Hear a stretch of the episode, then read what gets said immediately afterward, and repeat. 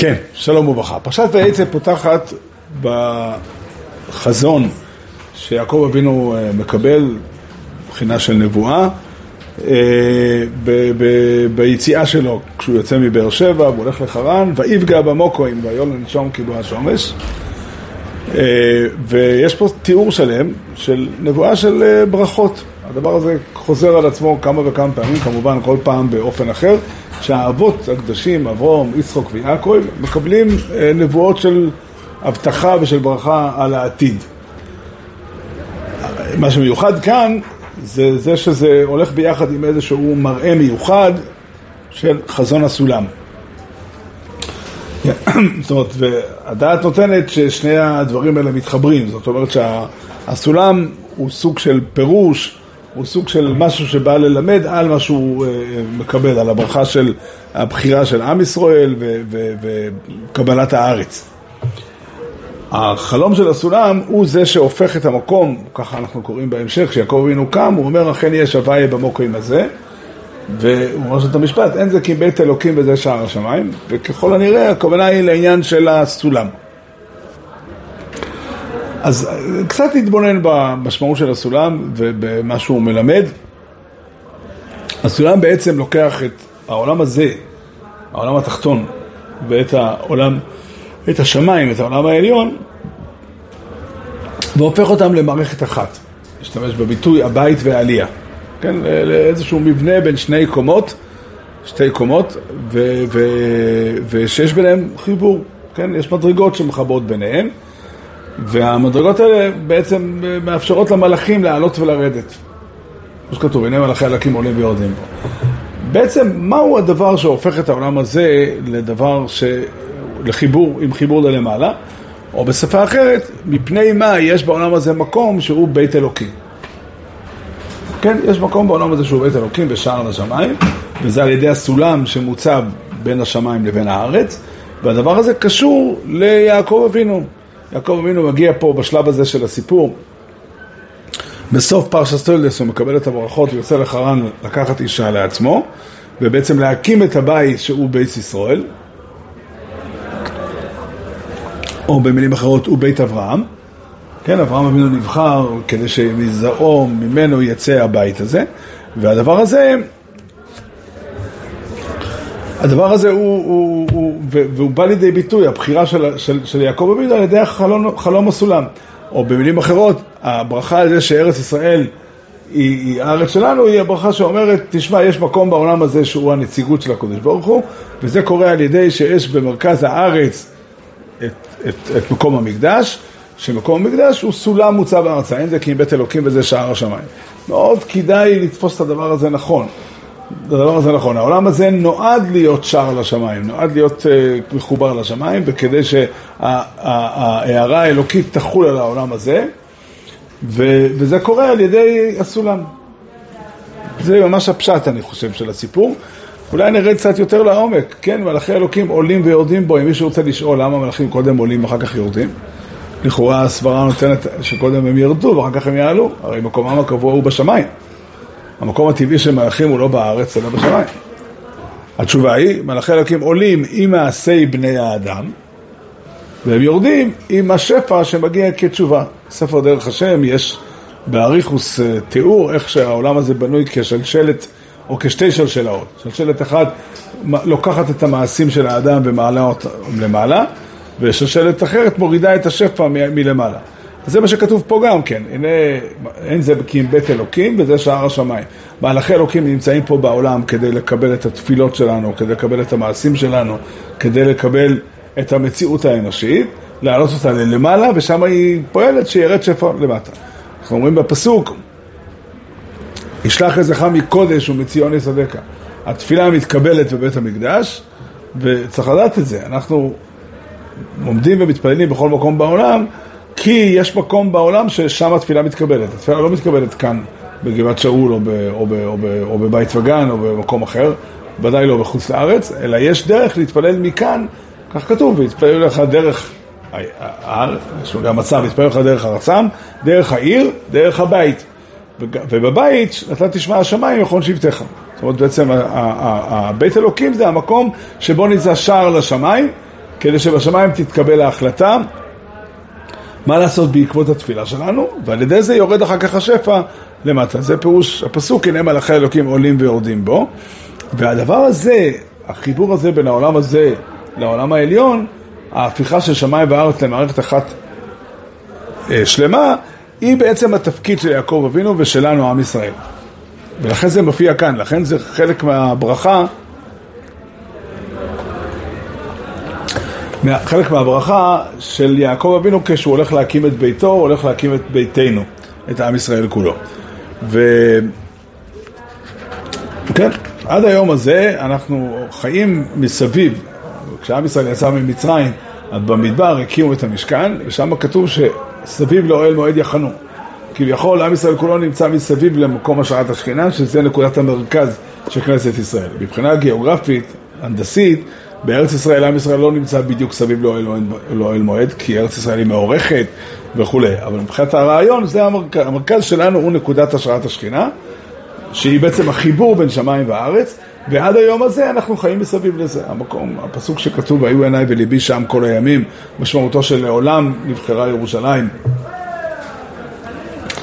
ו, ושם מתקבלים התפילות, שם בעצם נמצאת נקודת החיבור בינינו לבין השמיים, ו, ו, ו, וזה כל, כל ענייננו, כל ענייננו השעת השכינה, עד כדי כך שהרמב"ן מביא מדרש חז"ל, שכשמקיימים מצוות בחוץ לארץ, אז זה מבחינת תציבי לך ציונים. כיוון שעיקר מטרת והמשמעות של כל המצוות כולם הוא השראת השכינה עלינו, אז בחוץ לארץ אין השראת השכינה, אז, אז, אז מצוות חסרות חלק מאוד משמעותי בסיפור שלהם. כמובן שהם חובה גמורה, וכמובן שיש להם עדיין תועלת, והם עדיין נקראים, אה, אה, ושמרתם את חוקותיי ואת משפטי אשר עושה אותם האדם וחי בהם. אבל הברית שמביאה להשראת השכינה שייכת לארץ ישראל, שייכת להשראת השכינה בתוכנו. ככל הנראה יש בחינה מסוימת שגם בחוץ לארץ יש השראת השכינה, ולכן זה, הציבי לחציונים זה לא לגמרי כך. אבל, אה, אבל בגדול זה, זה מאוד מאוד משמעותי. המשמעות של עבודת השם שלנו היא לתקשר עם הקדוש ברוך הוא ולהוריד את התגובות שלו לכאן. התקשורת החיה הזו, זה עמוד המרכז של התורה. וזה אה, בעצם אפשר לומר שיעקב אבינו מגיע לשלב הזה כי שבו הוא כבר הופך להיות לעם ישראל. הופך להיות לעם ישראל, בעצם כבר נגמר התהליך של הברירה אחרי שאברהם אבינו יצא מ... התנתק מכל משפחתו, לך לך מארצך ומארצך מבית אביך, ואחרי ש... לוט עזב אותו, ואחר כך אה, יצחק וישמעאל, ישמעאל ובני קטורה אה, נסתלקו, כן, בני הפילגשים נתן אברהם מתנות וישלחם קדמה על ארץ קדם, זאת אומרת, כדי להשאיר רק את יצחק בבחירה, ליצחק עצמו היו גם שתי בנים, והיה צריך לבחור את יעקב מתוכם, ואחרי שיעקב אינו נבחר, ובסוף פרשס טולדוס כתוב, וייתן לך את ברכס אברום, השם נתן לו את ברכת אברהם, אז זה כבר השלב שבו כנסת ישראל עומדת כמציאות שלמה, ואפשר כבר להוריד את הסולם ולחבר שמיים וארץ. זה הסיפור של הפרשה הזאת, של הנושא של הסולם, ומאוד מאוד מעניין שהמקום שזה נמצא זה המקום שיעקב אבינו יוצא לגלות. ללמד אותך שכשיעקב אבינו הולך לגלות, הוא הולך באופן זמני לגלות, על מנת לחזור חזרה. והשיבתיך אל האדמה הזאת.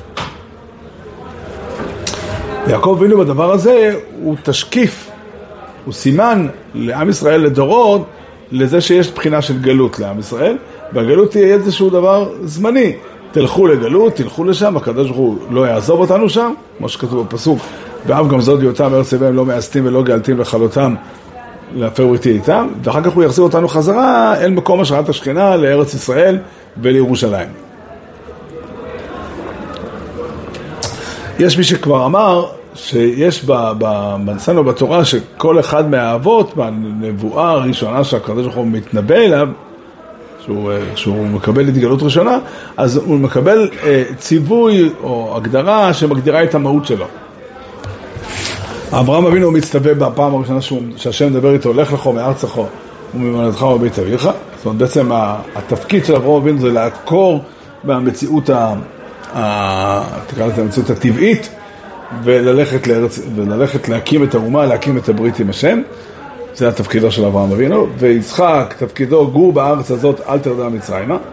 זאת אומרת, בעצם לשמר את מה שנוצר בחיי אברהם. ויעקב אבינו הוא כבר הולך וחוזר חזרה. אפשר להגיד שהאבות הם סמל ודוגמה לשלושה, לשלוש תקופות בתפקיד של עם ישראל. עם ישראל בשלב הראשון, זה השלב של ההיווצרות, נקרא לזה, מאברהם אבינו ועד, אה, נגיד, עד שלמה המלך, זה כל התהליכים של הבניין של האומה לדרגותיהם, וזה תפקיד אחד, בעצם מה אנחנו עושים? הולכים להקים את הדבר השלם.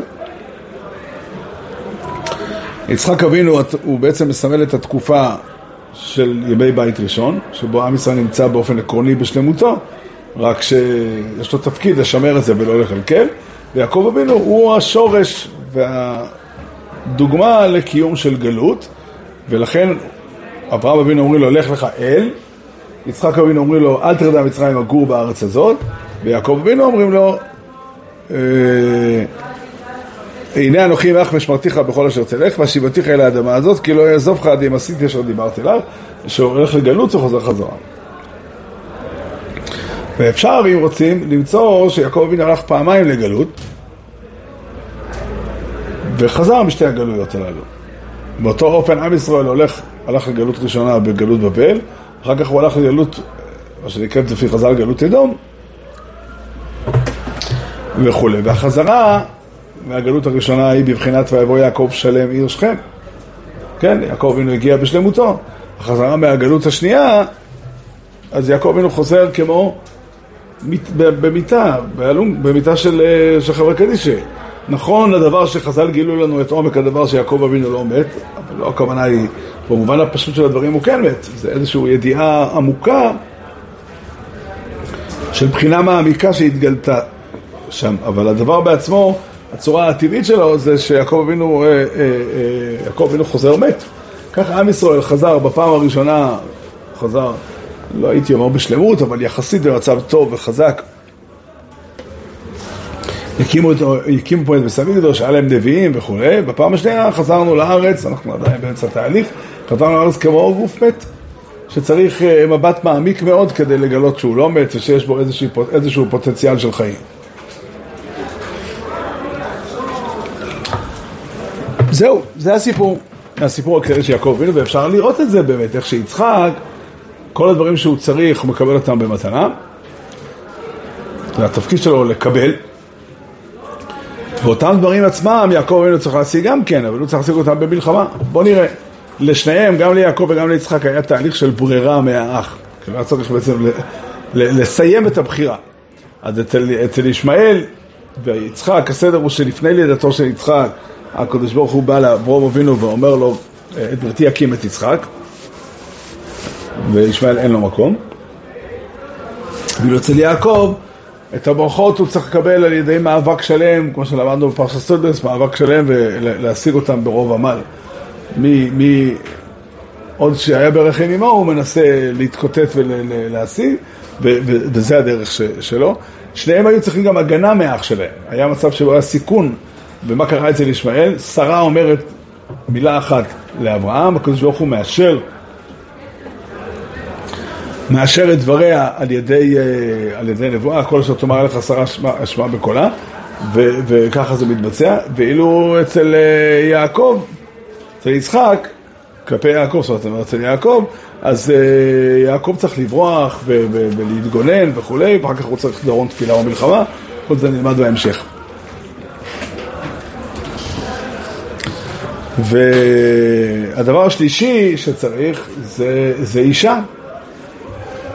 כן, שניהם היו צריכים אישה, שניהם היו צריכים להתחתן כדי להקים בית. איך יצחק אבינו מקבל את, אה, משיג את האישה?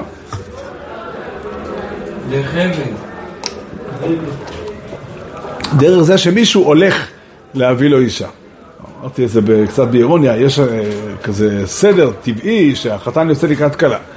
אז גם יצחק צריך לצאת לקראת אה, רבקה, אבל אי אפשר להגיד לו לטרוח. אז מה שקורה זה ויצא יצחק לסוח בשדה לפנות ערב. זאת אומרת, הכל קורה אוטומטית. יעקב אבינו עובד ב-14 שנה בנשותיו, כן, גנובתי יום, גנובתי לילה, הייתי ביום החנני חורף וקרח בלילה, עובד כמו חמור, בלי גבול. ושוב, וגם בשביל פרנסה, יצחק אבינו ויזרע ונמצא בשנה ההיא מאה שערים, ואילו יעקב אבינו עובד כמו שצריך. הוא לא עבד קשה כדי את גאוות המן? יכול להיות שהוא עבד קשה, אבל הדגש של התואר הוא לא על זה שהוא עבד קשה, על זה שזה הלך לו בקלות. אה, בסדר, חכם. כן. בסדר. הסיבה לזה היא, מה? גם חפר בארות שסתמו לאברהם. כן, כן, אני לא אומר שלא היה לו שום עבודה, אבל העבודה העיקרית של, של יצחק היא לשמר את מה שהוא אומר. ושימו לב שזה במובן מסוים העבודה הכי קשה. היא דורשת כלים מיוחדים, דורשת יכולת מיוחדת, והראה שעם ישראל עמד פחות או יותר בהצלחה בהגשמת התפקיד של אברהם. כן, הגענו עד שלמה המלך, אני לא אומר שלא היו בעיות בדרך, אבל בגדול הגענו עד שלמה המלך. את שנות הגלות גם בגדול עברנו בשלום. אנחנו לא הגענו עוד לגאולה שלמה, ואנחנו מצפים עדיין, אבל אפשר לומר שעם ישראל לאורך רוב התקופה הזאת עמד על תפקידו, ו- ו- ואילו, אה, ו- ואילו את התפקיד של יצחק, זאת אומרת החיים של ימי בית, אה, בית ראשון, זה בגדול רשום ככישלון, רשום כ- כתקופה של החמצה.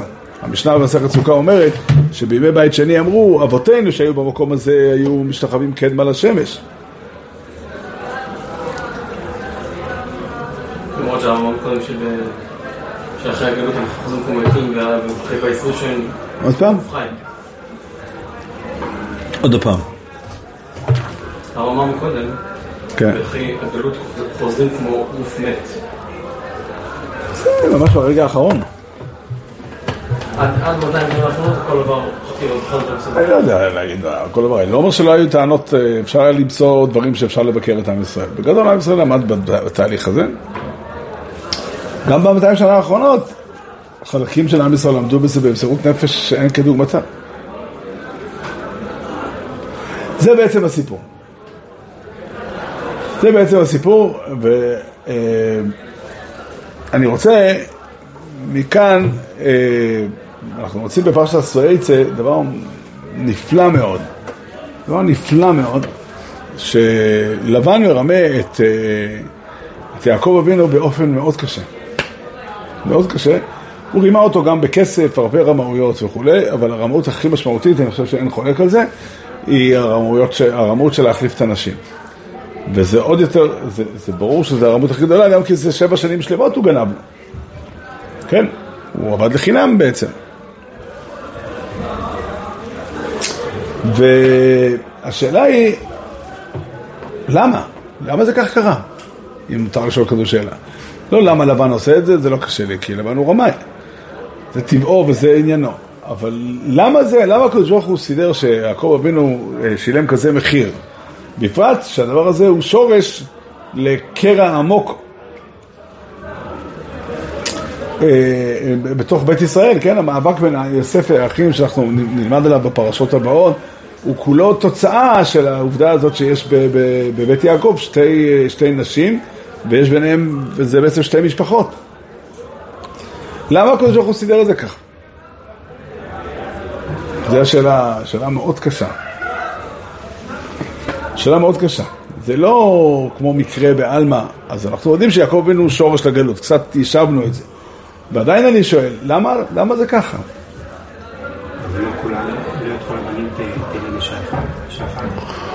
אה, אתה שואל אותי איך העניינים היו מסתדרים אם לא זה. אינני יודע. אחת האפשרויות שאני הייתי שמח לקבל, שכל ה-12 בנים היו מאישה אחת. לא שאני, אני לא אומר, לא יודע, היה צריך, לדעת, כן, לא, לא ליצור עימות כל כך קשה וכואב.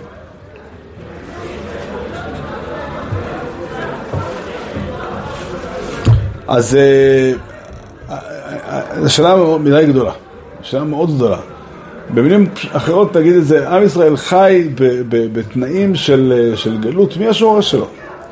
כן, ואחת הדוגמאות זה כשאנחנו אומרים בהגדה של פסח, והיא שעמדה לאבותינו ולנו, שלא אחד בלבד עמד עלינו חלותינו, אלא שבכל דורות עומדים עלינו חלותינו, והקדוש ברוך הוא מצילנו מידם. ואז מביאים ראייה, אה, צאו ולמד מה ביקש לבן הארמי לעשות ליעקב אבינו. זאת אומרת, בעצם הסיפור של אה, יעקב בבית לבן הוא... אה, אין חז"ל שאומר שהוא נענש על זה שהוא ביטל האבנים 14 שנה? 22 שנה. אה, אני לא מכיר כזה חז"ל. מכיר חז"ל שלכם היה 22 שנה, שעל זה שהוא היה 22 שנה שם, הוא נענש במחיית יוסף. אבל, אה, אבל אה, אני לא מכיר כזה. לכאורה, קשה לקבוע, יש לומר שזה בעצם מופיע כמידה כנגד מידה בגלל העובדה שיעקב אבינו לקח את הברכות מעשיו ומיצחק בדרך לא בדרך של תרמית.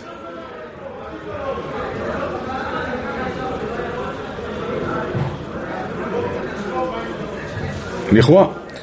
המידה כנגד מידה הוא מאוד מאוד אה, בולט. המידה כנגד מידה מאוד בולט, כי אנחנו, יעקב אבינו הרי ניצל את החושך בעיני יצחק, כשיצחק היה עיוור. אה, יצחק היה עיוור. ו- וניצל את החושך בעיניו כדי להחליף לו אח באח אחר. אה, יצחק רצה את ה... יצחק רצה לברך את עשיו, ובסוף הוא בירך את יעקב בניגוד לרצונו. ובאותו אופן לבן ניצל את החושך בעיניו כדי, אה, כדי, אה, כדי להחליף לו אחות באחות. אין אשמה רבקה? אני לא יודע כמה, יש כלל בעניין הזה. קודם כל, אני, אני, אני לא יודע אם זה הגדרה מדויקת דווקא עבירה. יש בעניין הזה מקום לדון, אבל אני חושב ש... ש אה, לא השאירה לו מקום מבחינה. היא לא השאירה לה מקום לבחירה? מה מה- מה לא? אבל ציטה אותו. יש דבר כזה? יש דבר כזה? אני לא מקבל את הטענה הזאת. יכול להיות שאתה יכול להתווכח אם יעקב עשה נכון או לא נכון. יכול להיות שבסוף הפרשה רואים שמכיוון שהיא ציוותה לה ללכת ללובן, ואחרי זה היא ביקשה אותו מי יצחק לצוות עליו. להיות שהיא הבינה שזה לא סוף הסופים לצבא עליו. לא. יכול להיות. זו שאלה גדולה מאוד השאלה הזאת. בחז"ל, אה, מה הוא היה צריך לעשות כן? ברור שהוא לא היה צריך להשאיר את הברכות הולכות לעשיו, יכול להיות שהוא היה יכול ללכת, או שהוא היה צריך לפתוח בהשם. ואולי זה מה שהיה צריך לקרות, שהקדוש ברוך הוא לבדו יפעל. לא שאני, אנחנו לא יכולים לדעת איך זה היה קורה, אבל למשל חז"ל מספרים שכשנכנס אה, עשיו היה ריח של גיהינום שם. מה היה, מה היה עושה יצחק אם הוא היה מריח את הריח של הגיהינום? הוא היה ממשיך לברך? אולי כן, אולי לא, לא יודע.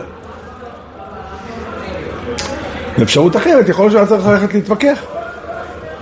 אני לא יודע מה הנכון. אני לא יודע מה הנכון, אבל השאלה היא האם זה הדבר הנכון לעשות את זה. ל- ל- ל- להתחפש.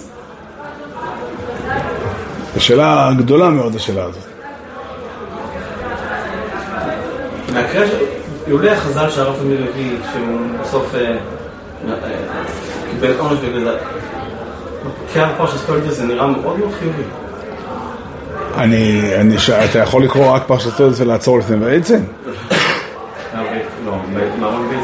מפרשת ועצב, וישלח והלאה, יעקב אבינו כל, הש... כל הזמן משלם מחיר. לא רק זה, אלא הברכות שהוא קיבל, שהוא זכה בהן, בחייו, לא רק לא התקיימו, אלא התקיימו להיפוך.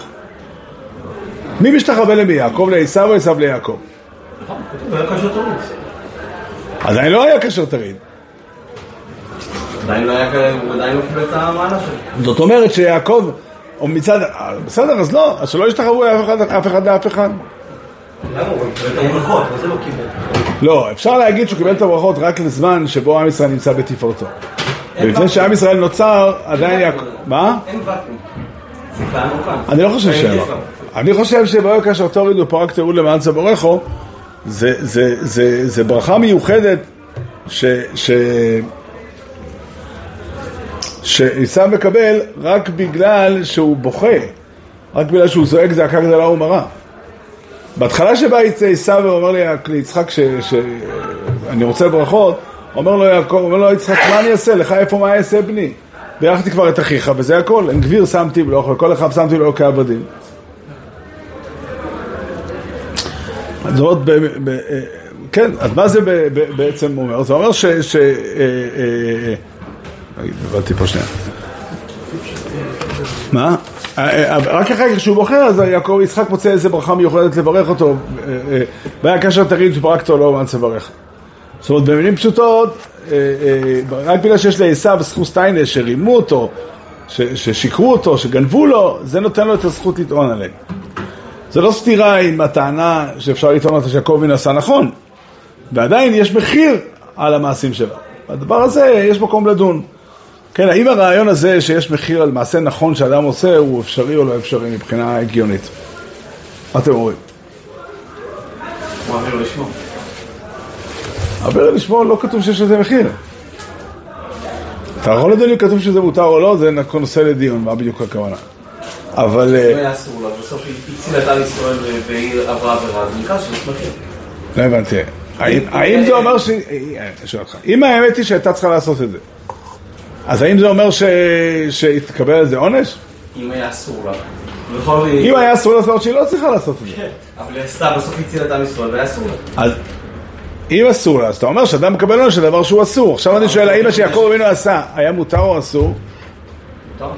אם זה מותר, ואני מקבל את ההיגיון שאתה מציג, אז אם ככה, איך ייתכן שהוא מקבל על זה עונש?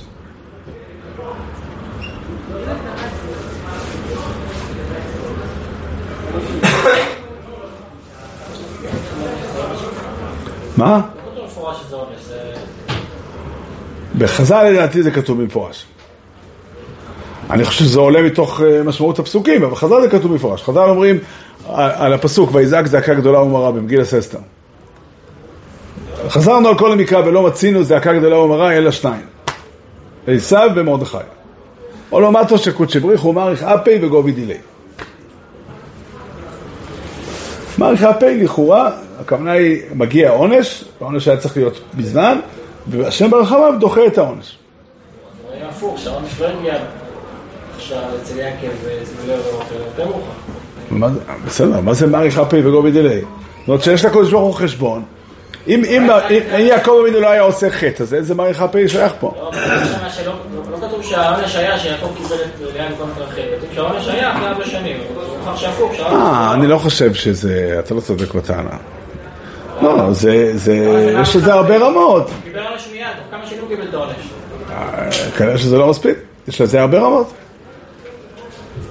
כן, גם זה, אה, אה, שם אחרי זה רש"י מביא מחז"ל, שלאה אומרת לרחל, איפה זה כתוב? לא מורים ניסני.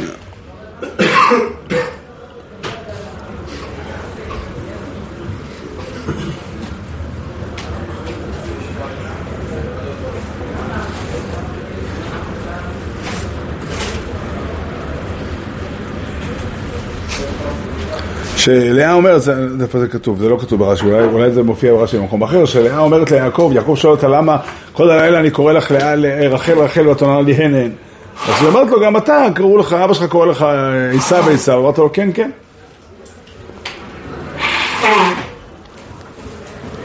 על כל פנים, יש מקום לדון בדבר הזה. אי אפשר לומר הפוך שמערכת הפה ולא דיליי זה הכוונה על ה...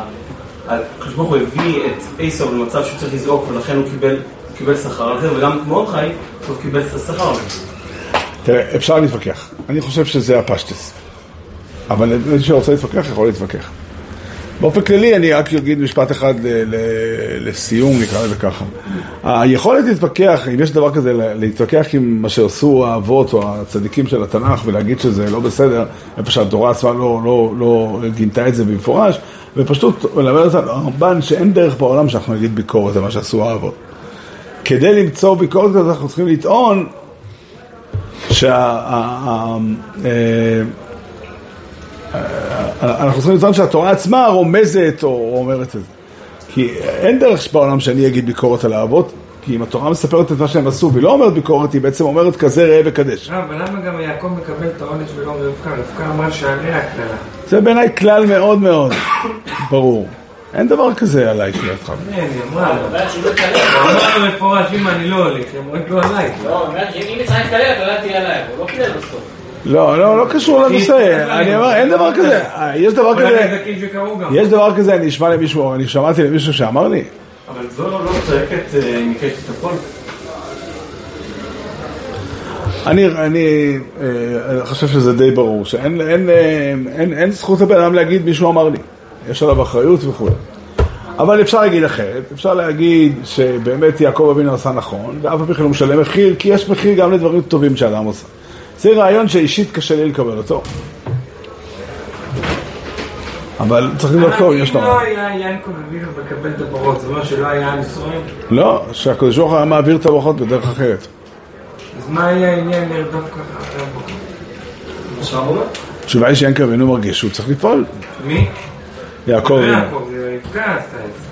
הוא לא רצה ללכת. מה זה לא רצה? אני לא מבין מה זה לא רצה. לא רצה, מה? אם אני אומר לך, אם אני אגיד לך, אשר, לך תפרוס לבנק שם. תגיד, אני לא רוצה. אבל אני אומר, לך תעשה. אחר כך תבוא לבית המשפט, תגיד, הוא אמר לי? אמא שלי אמרה לי. שאם שופט אחד יגיד לבית משפט שאמא שלו אמרה לו, אז הוא כבר יהיה אחרת. אתה חושב שיש דבר כזה? אז למה כתוב שהאימא אמרה לו? זאת אומרת, יש לזה משמעות בסיפור. ברור שיש לזה משמעות מבחינת הלימוד זכות. מבחינת הלימוד זכות. לא חושב שזה תשובה. אז למה הקדוש ברוך הוא גם לנו את כל הנושאים, זה בכלל לא רלוונטי. אז מה אנחנו לומדים מזה? שאסור לגנוב ברכות? עוד פעם. כי, כשאותנו לימדו תמיד המערכת הייתה בדיוק שונה, שיעקב אבינו עשה פה תחבול, וזה היה מעולה, וזה מה שהציל את עם ישראל, והיינו חייבים להגיע למצב הזה. וזה מה שהתורה רוצה ללמד אותנו, לא, ש... לא רוצה ללמד אותנו לא. שעשו פה טעות. למה, מי אמר לך? התורה רוצה ללמד אותנו שהברכות מגיעות ליעקב, ושהוא עשה את זה בדרך פחות מוצלחת, ולכן יש לזה מחיר. אבל אם, אם הוא לא היה עושה את זה, אם, זאת אומרת אם הוא לא עושה את זה, אם מההתחלה, מפרשת קדוש, רואים שזה המטרה שלו, לעבור חתחתים. זה לא אומר שזה בגלל זה קרה לו אחרי זה. קשה להניח. הרמב"ם אומר גם הרמב"ם אומר במפורש, מאריך רפי וגובי דילי, הגמרא אומרת במפורש, מאריך- המדרש, מאריך רפי וגובי דילי. אז ודאי, אז ודאי, הפשטות היא שלשון מאריך רפי הוא לשון של אה, חטא. בסדר. הרמב"ם אומר שזה ככה. יעקב אבינו זה לא אבל- הרב, אבל גם ככה זה מסתדר טוב.